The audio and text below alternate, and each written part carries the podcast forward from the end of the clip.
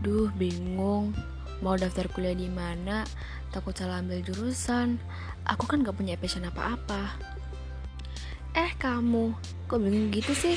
Kenapa kamu gak ambil ikom UPN Surabaya aja? Kenapa harus ikom UPN Surabaya? Tuh kan kamu nggak tahu. Yang pertama, kamu bisa belajar dunia penyiaran dalam media radio. Yang kedua, kamu bisa belajar dunia broadcasting dalam media televisi. Yang ketiga, kamu bisa belajar bikin film mulai dari sutradara, production, dan lain sebagainya dalam media film.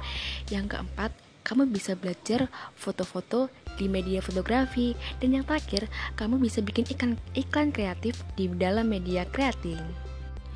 Wow, banyak banget ya. Enak dong bisa milih.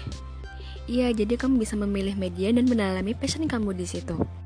Nah, kamu tahu nggak video tren yang ada di UPN itu? Oh, video tren yang ada di luar itu ya? Iya, kenapa tahu? Itu yang bikin dosen UPN Ikom loh. Wah, nggak nyangka ya, ternyata Ikom dosennya luar biasa banget. Nah, di dalam Ikom UPN Surabaya, kamu nggak hanya belajar teori saja loh, kamu juga bisa mengasah kemampuan kamu di sini. So, cepat daftar di Ikom UPN Surabaya.